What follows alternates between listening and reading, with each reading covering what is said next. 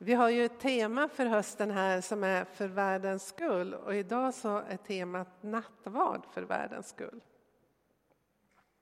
Eh, för några veckor sedan så var jag själv på en retreat en hel vecka i Norge. Det var en retreat för retreatledare. Vi behöver ju också åka på retreat, vi som leder retreater. Och det var två stycken retreatledare som vägledde oss som kom från Irland och jag fick samtala varje dag med en katolsk nunna, en helt underbar person. Och så berättade, började jag med att berätta lite grann om mig själv och mitt arbete som pastor och så. Och så sa jag att ja, i våra gudstjänster, i det sammanhang där jag arbetar, så, så räknar man med att predikan håller på 25, 30, 25 minuter, 30 minuter. Och då säger hon så här spontant så här, åh så terrible. och ehm, alltså med andra ord, så hemskt, sa hon. Och eh, då kan man ju tänka så här, tycker hon dåliga erfarenheter av predikan, att hon mest har suttit sig igenom tråkiga predikningar. Men jag tror inte riktigt att det var så, utan jag tror att för henne så är det här med att fira nattvard en sån viktig del i gudstjänsten, så den får ta liksom lite större plats. Och så är det för många kristna runt vår värld. Ordet har sin plats, predikan, men också nattvarden i en kristen gudstjänst. Nu berättar jag inte det här för att jag tänker att ändra på vår tradition och att vi bara ska ha tio minuters långa predikningar. Jag vet inte, ni kanske vill det, men eh, vi har inte tänkt det i varje fall, ändra på det. Men jag tänker att vi skulle fundera lite grann runt nattvardens betydelse och vad den betyder för oss och hur den kan betyda i förhållande till ett världen också.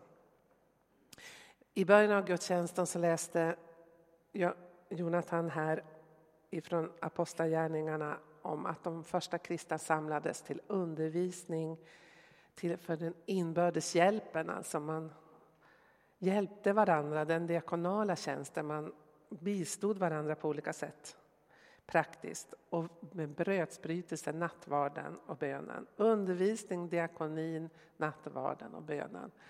Och allt sedan dess har man sagt att den kristna kyrkan och församlingen ska kännetecknas av att de, de här fyra delarna ska finnas i, i församlingen. Men det vi ska stanna inför idag då, det är nattvarden. Och jag vill att du ska fundera på vad skulle hända om vi skulle fi sluta fira nattvard i vår gemenskap? Det skulle kanske gå en, två, tre, fyra, fem månader. Det kanske skulle gå ett år, ja det kanske skulle gå två år och vi kanske inte skulle märka så stor skillnad. Men vad skulle det göra med oss på lång sikt? Och det är den första frågan. Den andra frågan som jag skulle vilja säga är så här att hade den kristna tron överhuvudtaget överlevt om vi inte hade om inte Jesus hade instiftat nattvarden? Hade den överlevt på det sätt som den är idag, där tron på Jesu död och uppståndelse är så centralt. Precis på samma sätt kan man säga, hade den judiska trosgemenskapen överlevt i 3-4 tusen år utan det årliga påskfirandet som de har i sin gemenskap. Gud, han är den stora pedagogen, han vet vad vi behöver. Vi behöver inte bara ord, utan vi behöver också handlingar. Och jag tänkte läsa med er ifrån Lukas evangeliet, det 22 kapitlet. Det ställe i Lukas där Jesus, när det berättas om när Jesus instiftade nattvarden den kvällen innan han blev förrådd. Och nu har vi inte den texten på väggen, men jag tänkte att ni skulle få lyssna. Och så har jag bara en vers därifrån. När stunden var inne lade han sig till bords tillsammans med apostlarna. Han sade till dem, hur har jag inte längtat efter att få äta denna påskmåltid med er innan mitt lidande börjar. Jag tycker det är så fint att det står att Jesus hade längtat efter att fira den här påskmåltiden med dem. Ni kan ju fundera på det. Jag säger er, jag kommer inte att äta den igen förrän den får sin fullkomning i Guds rike. Man räckte honom en bägare och han tackade Gud och sa, tag detta och dela det mellan er. Jag säger er, från denna stund skall jag inte dricka av det som vinstocken ger förrän Guds rike har kommit. Sedan tog han ett bröd, tackade Gud, bröt det, gav åt dem och sa Detta är min kropp som blir offrad för er. Gör detta till minne av mig. Efter måltiden tog han på samma sätt bägaren och sa Denna bägare är det nya förbundet genom mitt blod som blir utgjutet för er. Jesus hade längtat efter att få fira den här måltiden med sina lärjungar. Trots att han visste att det var i stort sett det sista han gjorde med sina lärjungar innan han skulle gå vägen till korset. Och jag tänker att, att Jesus längtar också efter att fira den här måltiden tillsammans med dig och mig. Och ni kan ha det med er nu när, vi, när jag fortsätter min predikan. Varför ska vi fira nattvard? Ja, den första och det naturliga svaret på det är just därför att Jesus har sagt att vi ska göra det. Det är han som har initierat den här handlingen att vi ska samlas, dela bröd och vin med varandra och påminna oss om vad han har gjort för oss. I Johannes evangeliet, det sjätte kapitlet, så har Jesus en, i Johannes 6 har en lång diskussion med judarna. Och ni kan läsa, gärna läsa igenom hela kapitlet när ni kommer hem. Jag tänkte läsa bara några verser där. Och Jesus säger där någonting som väckte stor anstöt bland de som hörde det första gången, bland judarna. Så här säger han i vers 54, ni får bara med här på väggen, vers 56. Den som äter mitt kött och dricker mitt blod har evigt liv och jag ska låta honom uppstå på den sista dagen. Ty mitt kött är verklig föda och mitt blod är verklig dryck. Den som äter mitt kött och dricker mitt blod förblir i mig och jag i honom. Det här är ju så märkliga ord och de som hörde Jesus uttala dem första gången blev helt förvirrade och flera av dem blev förgrymmade och upprörda. De säger, vad är den här galningen står och säger att vi ska äta hans kött och dricka hans blod. Och teologer har alltsedan dess också diskuterat och haft väldigt många olika åsikter om vad Jesus egentligen menade. Och baptister har svårt att tänka att det här ska hända om nattvarden. Jag ska återkomma till det, varför. Men men jag tycker att den absolut mest naturliga och självklara tolkningen av det här bibelordet är att Jesus syftade på instiftandet av nattvarden. Där han säger att detta är min kropp som offras för er och detta är mitt blod som har utgjutits för er. Annars blir ju den här, hela det här sammanhanget helt konstigt. Men det är ju så att katoliker tänker att när prästen ber för brödet och vinet, då förvandlas brödet och vinet så att det blir Kristi kropp och blod. Inte så att det förvandlas i sin, att man ser att det är en köttbit som ligger där på, men alltså brödet och vinet blir Jesu kropp och blod. Jag som protestant tror inte att brödet och vinet förvandlas och blir Kristi kropp och blod. Men jag tror att när vi ber för gåvorna så händer det ändå någonting. Jag tror att Kristus blir närvarande i brödet och vinet. På ett övernaturligt sätt. Det är min tro. Om man skulle vara en tvättäkta baptist, det är jag visserligen och jag är tvättäkta eh, pingstvän också, men jag är samtidigt lutheran när jag är eh, när det gäller nattvarden. Men om jag vore en tvättäkta baptist då ska jag säga så här, nej, Kristus är inte alls närvarande i brödet och vinet på något sätt, utan de ligger bara där på bordet som en slags symbolhandling. Som en symbol för att Jesus har dött och uppstått. Det är så baptister har trott i alla tider. Och därför har man haft svårt för den här texten i Johannes 6 också. Ja, ni kan ju fundera på vad ni tänker. Men jag, tror, jag har märkt att både pingstvänner och gamla ÖMar och EFK och sådär, ändå på något sätt omedvetet känner att när man tar emot brödet och vinet så tar man emot Kristus. Detta är min kropp, detta är mitt blod. Vi kan inte förklara det logiskt eller på något sätt, men det är ändå på något sätt med andra sinnen så tänker vi att Kristus är närvarande. Och då är det ju så fantastiskt det här citatet som jag har med. Den som äter mitt kött och dricker mitt blod förblir i mig och jag i honom. Många, många kristna runt hela vår värld tänker så här att nattvarden är någonting viktigt, någonting som vi behöver regelbundet gå till, vi behöver ta emot bröd och vin, för det är någonting som bevarar oss i tron på Jesus Kristus. Jag tror att dels bevarar det oss så att vi håller oss till centrum och det viktiga i vår tro. Men jag tror också på något övernaturligt sätt som vi inte kan förklara så tror jag det att i nattvarden så drar Kristus oss närmare sig. Vi förblir i honom och han förblir i oss. Jag hade en lärare på missionsskolan när jag gick, Per-Axel Sverker, och han sa så här att i nattvarden så läggs frälsningen på vår tunga. Alltså brödet läggs på vår tunga. Det blir som väldigt konkret. Ni kan fundera på hur ni tänker. Men det är ett mysterium.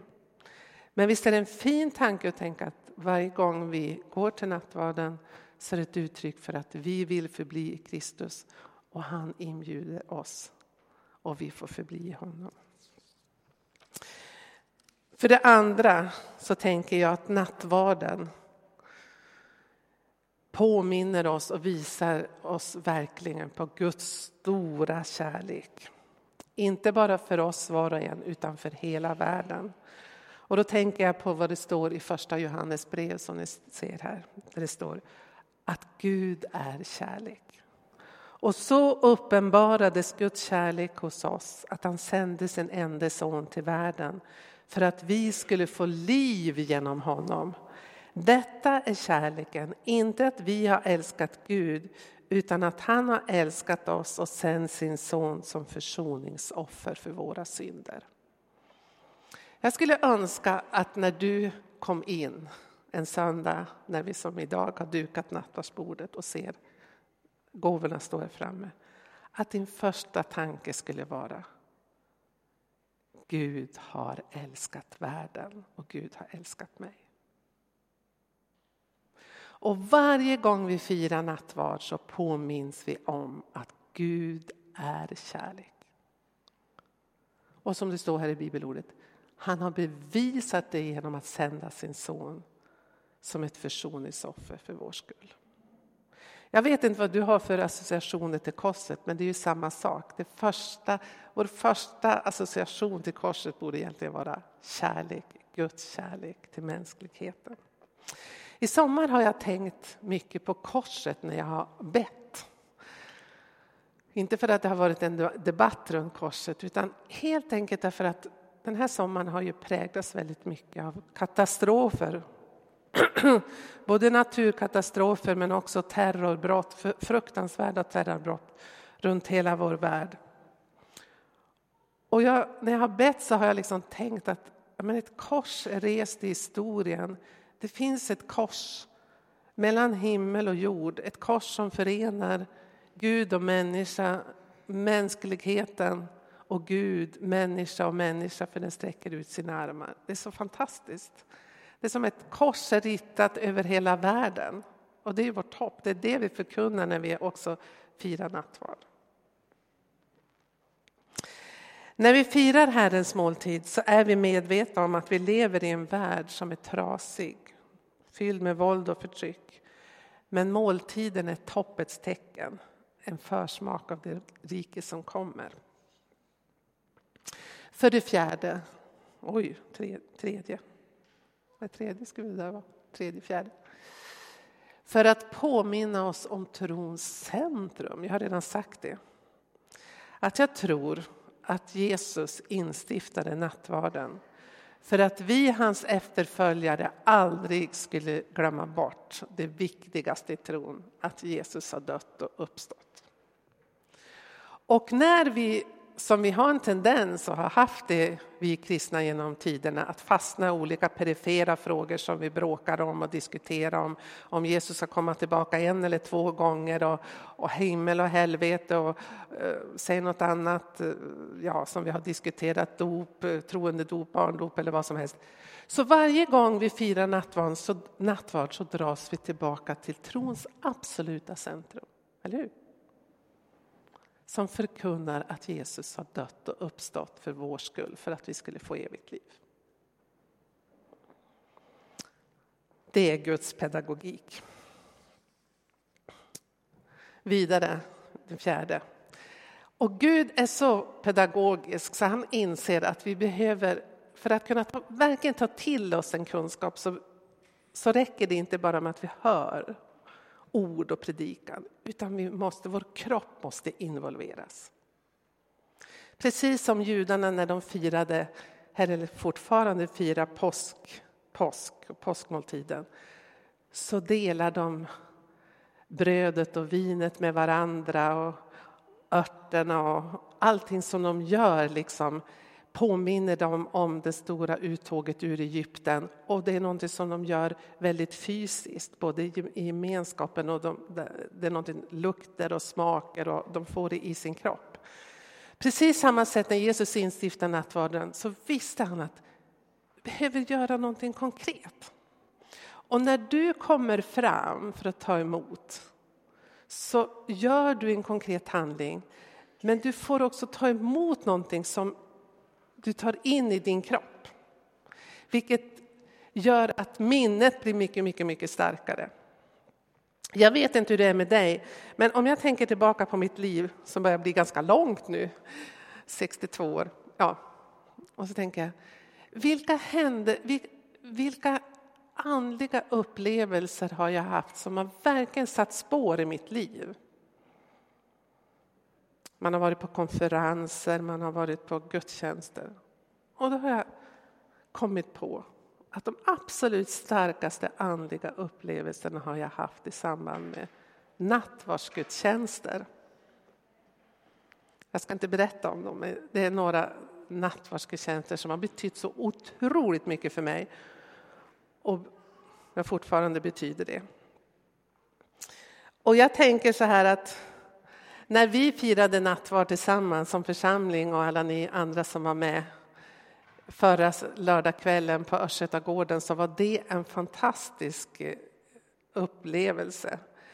Eh, jag vet inte om ni kan förstå hur det är att vara pastor eller nattvardstjänare och stå där framme och möta alla er som kommer fram. Jag sa det till Anton efteråt att jag tyckte det var så fantastiskt att möta gammal, ung, medelålders, barn, människor från olika kulturer. Det blir så konkret att församlingen är ett uttryck för mångfald och en, en, en gemenskap i mångfald och där vi samlas runt det allra mest centrala, att vi tror att Jesus Kristus har dött och uppstått för vår skull. Väldigt, väldigt starkt. För det femte, i nattvarden så påminns vi om vad Jesus har gjort för oss. Men det som har hänt då blir verkligt här och nu. Vi säger ju din död förkunnar vi genom att dela gåvorna med varandra. Men vi bekänner också Jesu uppståndelse och så kommer de här orden till dess du kommer åter i härlighet. Nattvarden är en pilgrimsmåltid, alltså vi, vi, vi, det är en rastplats på väg till himlen. Vi både ser tillbaka på någonting som har hänt, som betyder någonting för oss nu, men samtidigt så förkunnar vi och bekänner att vi har ett hopp om en framtid, att Guds rike ska komma i full härlighet, att Jesus ska komma tillbaka och vi ska fira den stora bröllopsmåltiden med honom. Det finns alla de här tids perspektiven med i nattvarden som är så fantastiskt. Vidare, det sjätte. Vi övar oss i nattvarden i att leva i sanning. Syndabekännelsen är viktig. Paulus han skriver ju så här att var och en måste pröva sig själv, sedan kan han äta brödet och dricka bägaren. Det här med syndabekännelse har inte varit alldeles självklart i våra sammanhang. Och jag vet inte hur du känner, jag kan tänka mig att ibland så tänker du att när vi kommer till det här att vi ska bekänna vår synd så känns det lite obekvämt kanske. Eller också känns det som att oj, jag kan inte komma på något konkret som jag har gjort fel. Plötsligt sådär bara. Utan det blir liksom bara en liturgi. Men jag tror vi ska se syndabekännelsen som en övning att leva i sanning. För sanningen om oss, både dig och mig, är den att vi har del i världens bortvändhet från Gud, som det står i en syndabekännelse. Vi har del i världens bortvändhet från Gud. Sanningen om dig och mig är det att vi, vi också lever i relationer som kanske inte alltid är så bra. Vi sårar varandra, vi blir sårade, vi gör saker och ting som är fel. Men framför allt så bryter vi ofta mot det första budet, att vi ska älska Gud över allting annat och vara nästa som oss själv. Och bara när vi ställs inför det faktum, har jag älskat Gud över allting annat och min nästa som mig själv, så inser vi att vi har brutit. Vi behöver be Gud om förlåtelse.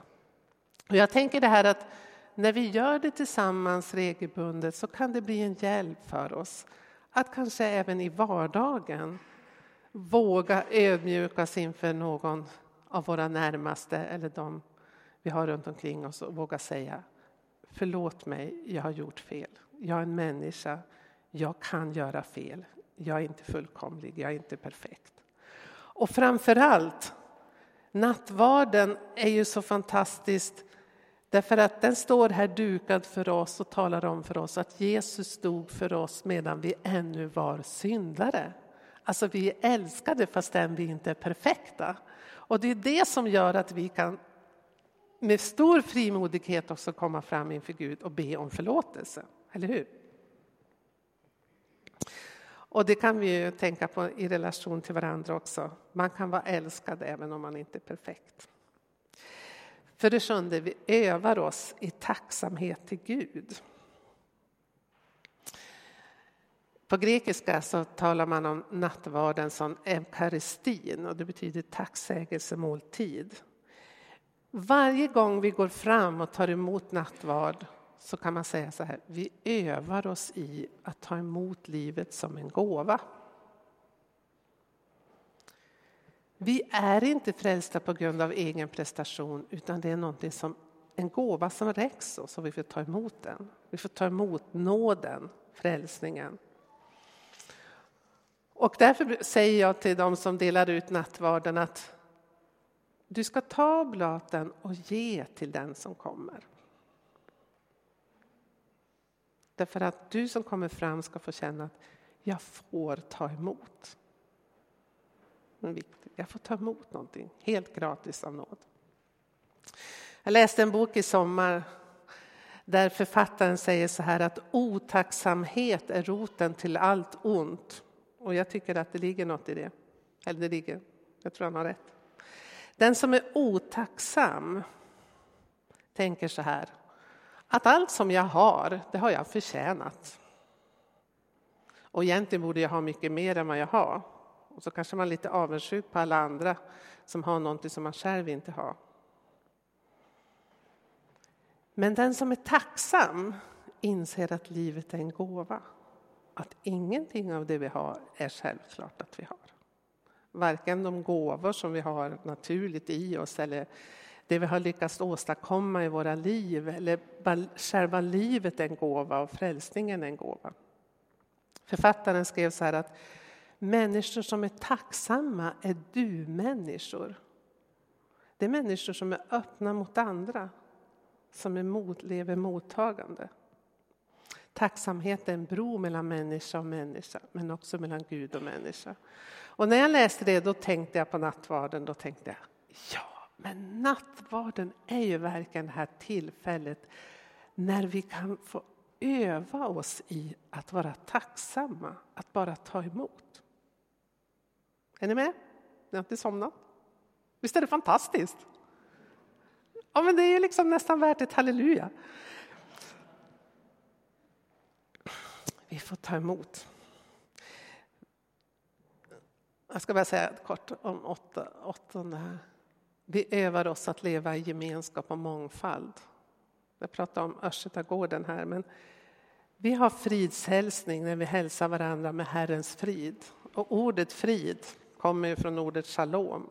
Och det ordet innehåller allt gott som det överhuvudtaget. Om man önskar människa shalom så önskar man den frid och fred och hälsa och välgång och lycka och allt som du bara kan tänka dig av gott. Det finaste vi kan ge en människa önska den människa. Frid, shalom, salam heter det väl på arabiska.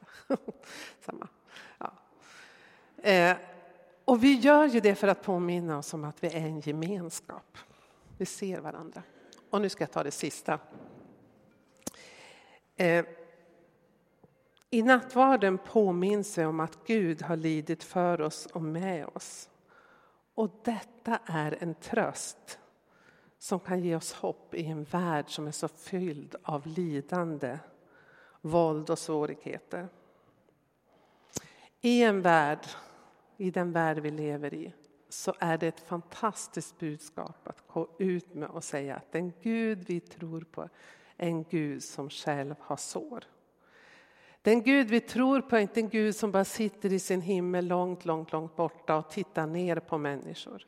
Utan den Gud vi tror på, en Gud som har stigit ner och blivit människa och så identifierat sig med människan så att han har gått hela vägen in i döden för oss. Blivit torterad och så vidare.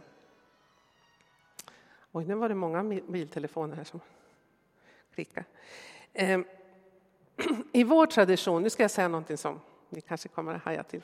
I vår kristna tradition så har vi framför allt betonat att i nattvarden så finns det helande.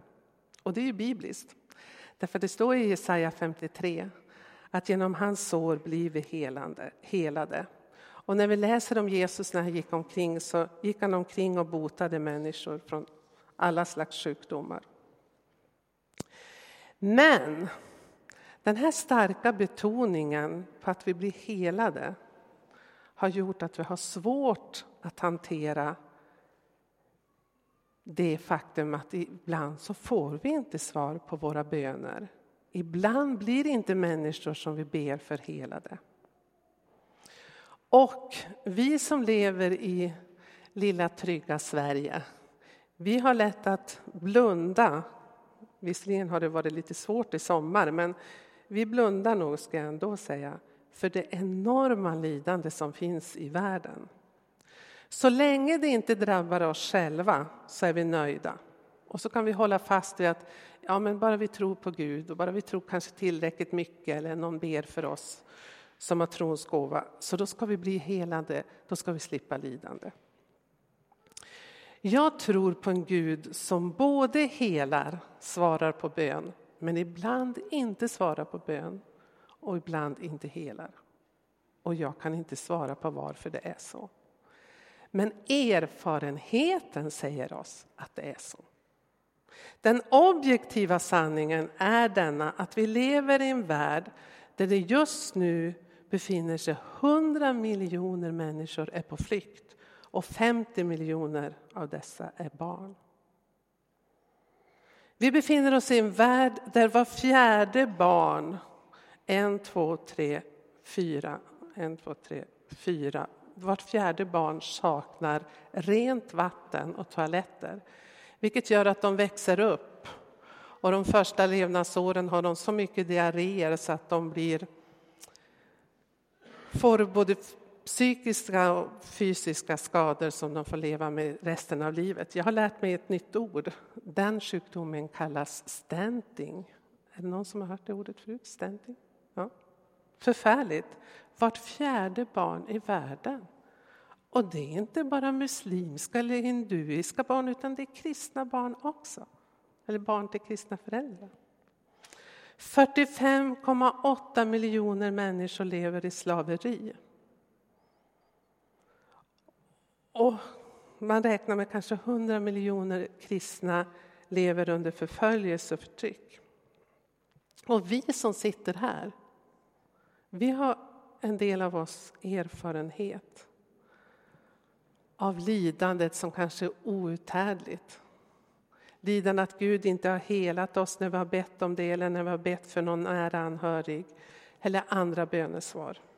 Varför gör Gud ingenting? Varför griper han inte in? Om han är kärleksfull och god borde han väl hela oss alla och hela vår värld nu.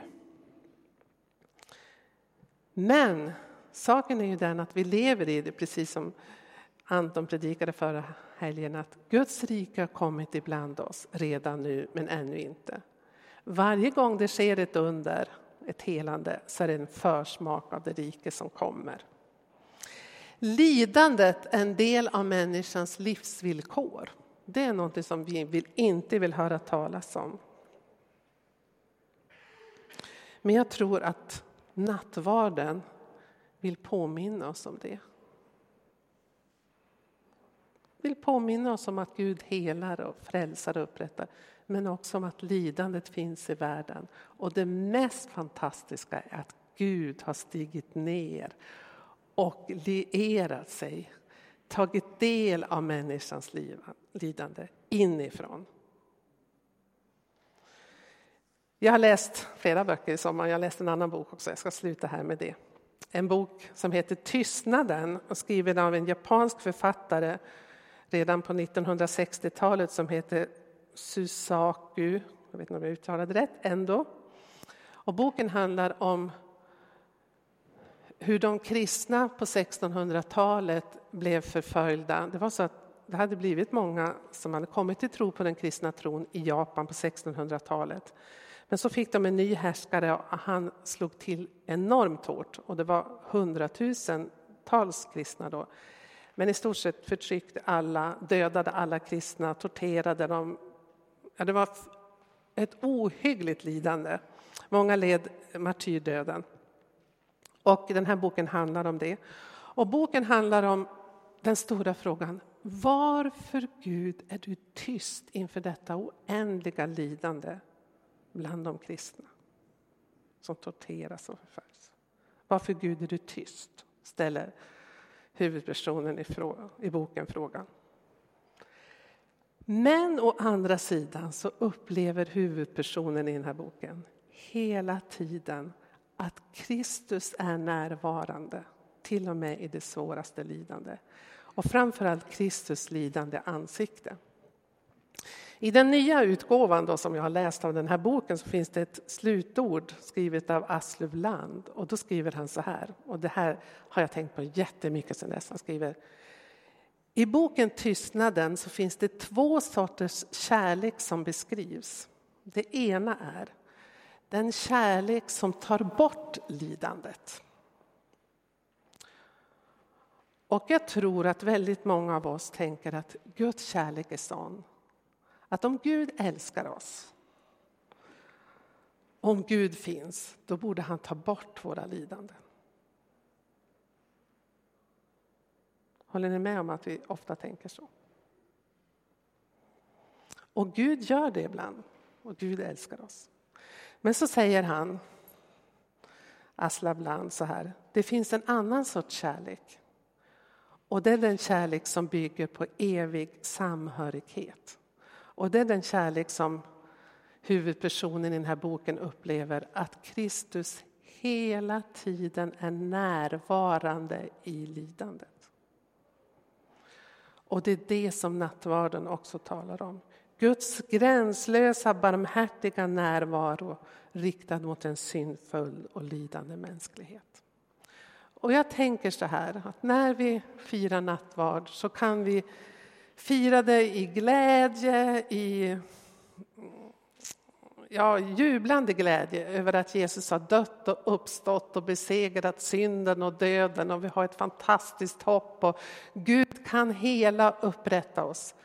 Men vi kan också finna tröst i detta att Gud är en Gud som lider med oss. Och vi har inte svar på alla frågor. Sista bilden bara.